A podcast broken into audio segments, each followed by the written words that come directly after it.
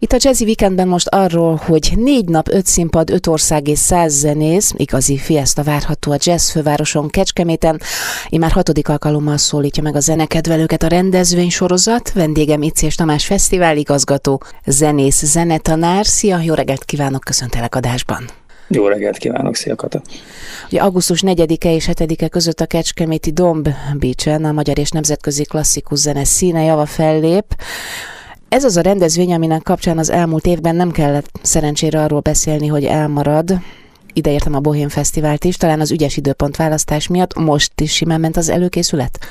Hát a simán a szervezői oldalról nem megerősíthető, de minden esetre gördülékenyen ahhoz eléggé, hogy a közönség semmiféle problémát ne lásson a produktumban aztán, és azt hiszem, hogy mint ahogy minden évben most is elmondhatjuk, hogy ez a fesztivál is jobb lesz, mint a tavalyi, pedig már a legelsőnek is nagyon örült a közönség. Ugye hatodik alkalom, ez azt jelenti, hogy megszakítás nélkül hat éve zajlik az esemény sorozat, vagy volt kihagyás? Hát a Covid miatt azért volt egy kényszerű kihagyásunk nekünk is, mint mindenkinek. Igen, húszban. A 20-ban, amikor a külföldiek sem utazhattak be. Úgyhogy tulajdonképpen azt kivéve abszolút folyamatos a jazzfőváros léte, és hát ha már említetted a Bohém Fesztivált, összesen az egyéb fesztiválokkal együtt ez a 43.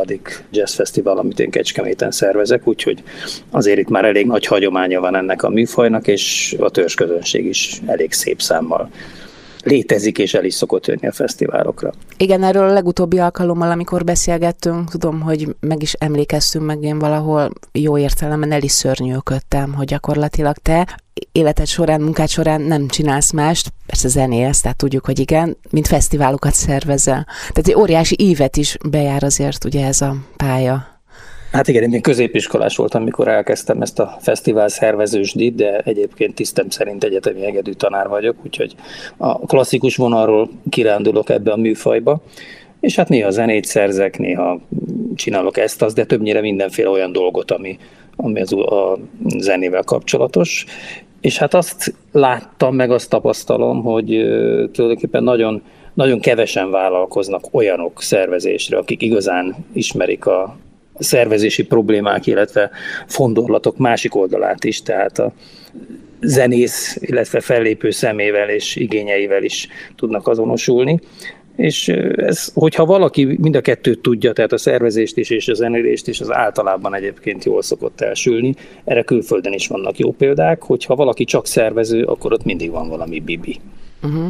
Hát igen, mert te így az ére mindkét oldalát jól ismered, és azt hiszem, hogy a vérprofizmushoz az kell, hogy az ember benfentes legyen ízig-vérig. Meg hát gondolom te is azért ennyi év, év tized alatt jócskán szereztél tapasztalatokat.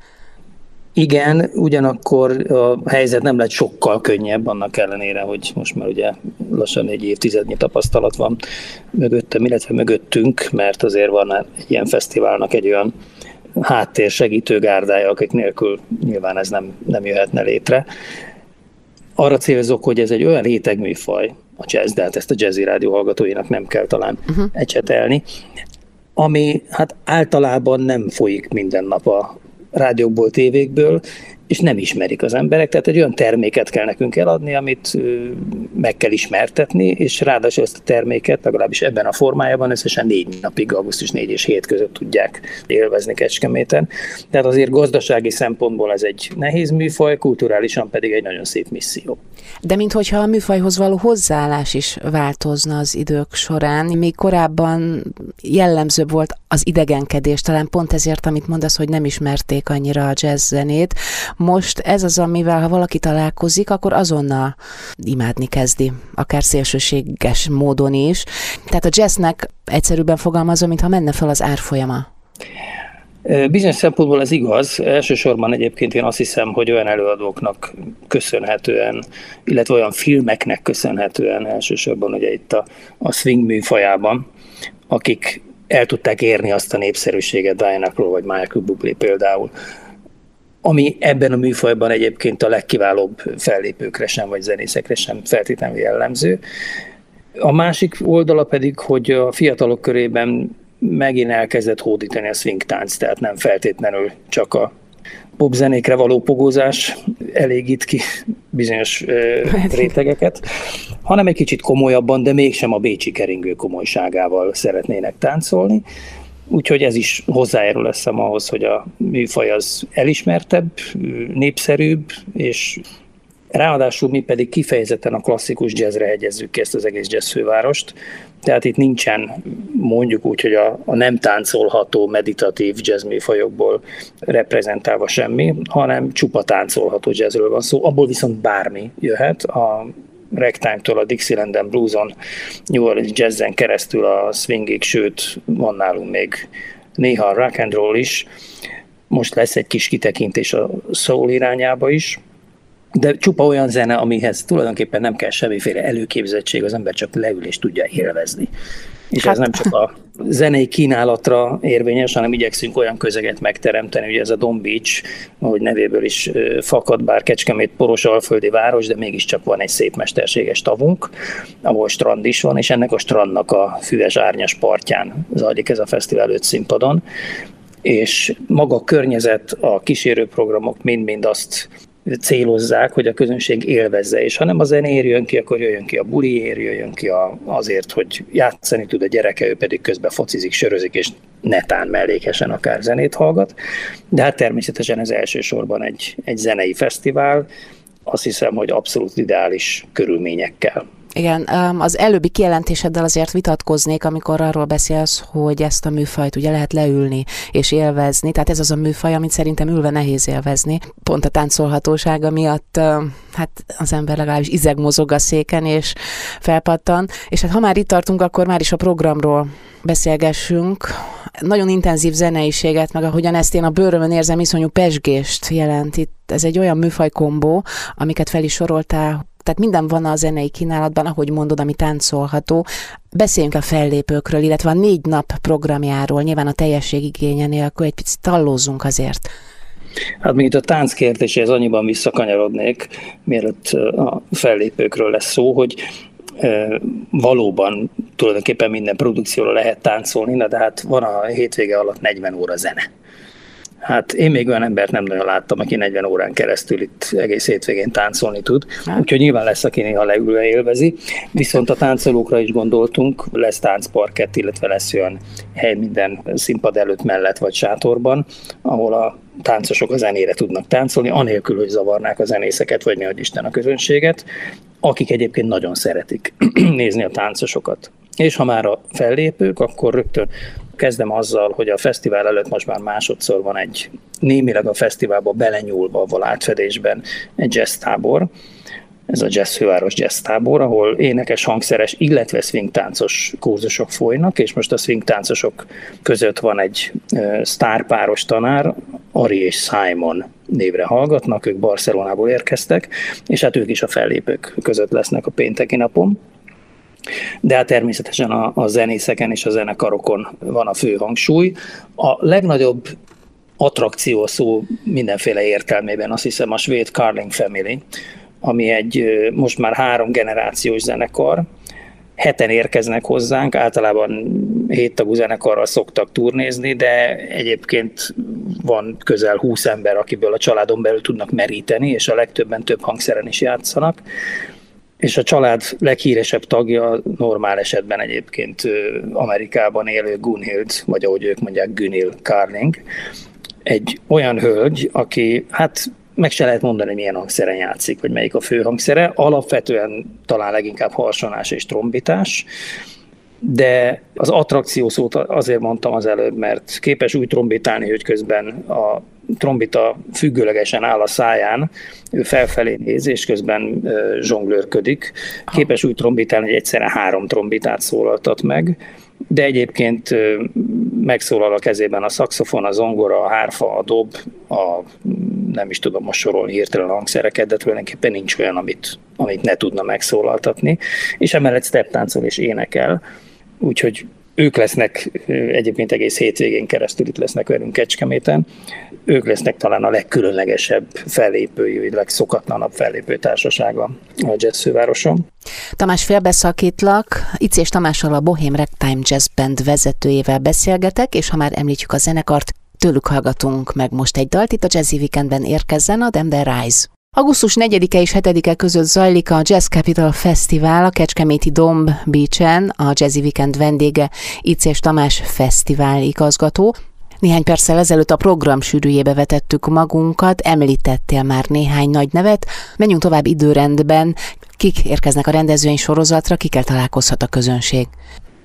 Itt lesz a swingtáncosok kedvenc zenekara, a londoni székhelyű Shirtail Stompers, a szuper kiváló, nekem egyik kedvencem swing zongorista, vagy Harlem Stride zongorista, az olasz Luca Filastro, és hát persze a magyar zenekarok krémjei, illetve a magyar szólisták legjobbjai közül sokan.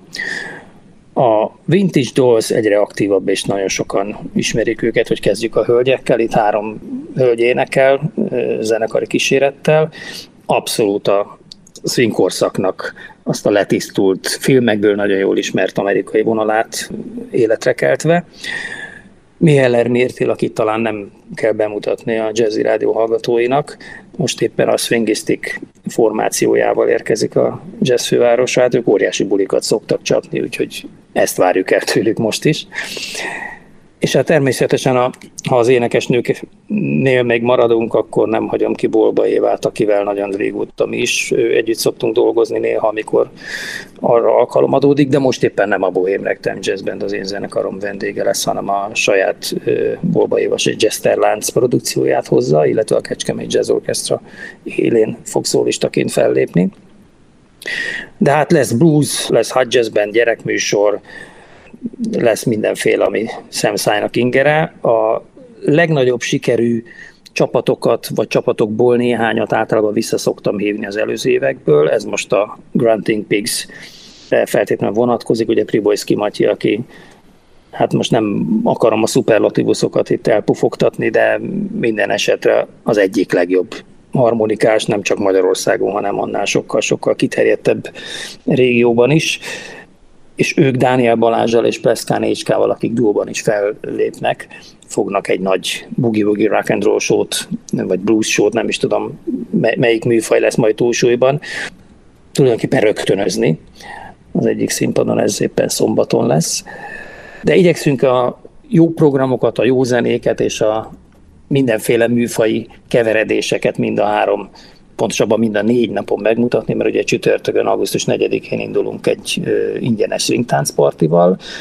Ennek a csütörtöki napnak is van egy olyan kísérő programja, ami a zenével ugyan kapcsolatos, de azt hiszem, hogy elég különleges, ez pedig az Óje ordibáló verseny. Na igen, erre rá akartam kérdezni. Hát ezt úgy kell elképzelni, hogy ez az egész Jazzfőváros Fesztivál, ez tulajdonképpen az Óje Day-ből, erre most nem megyek bele, mert nincs annyi időnk nőtt ki, ami a Louis Armstrong születésnapja, augusztus 4-i születésnapja köré szerveződött, mondjuk úgy, hogy világmozgalom. Borzasztó egyszerű dolgot kell csinálni, az Armstrong által rendszerint a számok végén elénekelt eltrombitált oh yeah, fordulatot, azt egy trombitás eljátsz, és utána a közönség ráénekli, hogy oh yeah, na ebből csináltunk egy ordibáló versenyt, és mint utólag kiderült, 19-ben Guinness világcsúcsot ordibált a győztes, csak mi azt nem tudtuk. Úgyhogy most ez egy Guinness világrekord lesz, augusztus 4-én csütörtökön, hogy ki tudja hangosabban ordibálni ezt a bizonyos óját. Hát, Aztán a pénteki napot a, a pénteki napot a veterán autók felvonulása teszi színesebbé és a műfajhoz illővé, és azt nem mondtam még, de a fesztivál karszalaggal minden nap lehet strandolni. Úgyhogy ha nagyon meleg lenne, akkor a strand, hogyha ne adj Isten esne az eső, akkor pedig a sátrakba fogunk menekülni, de mindenképpen a fesztivál az működni fog.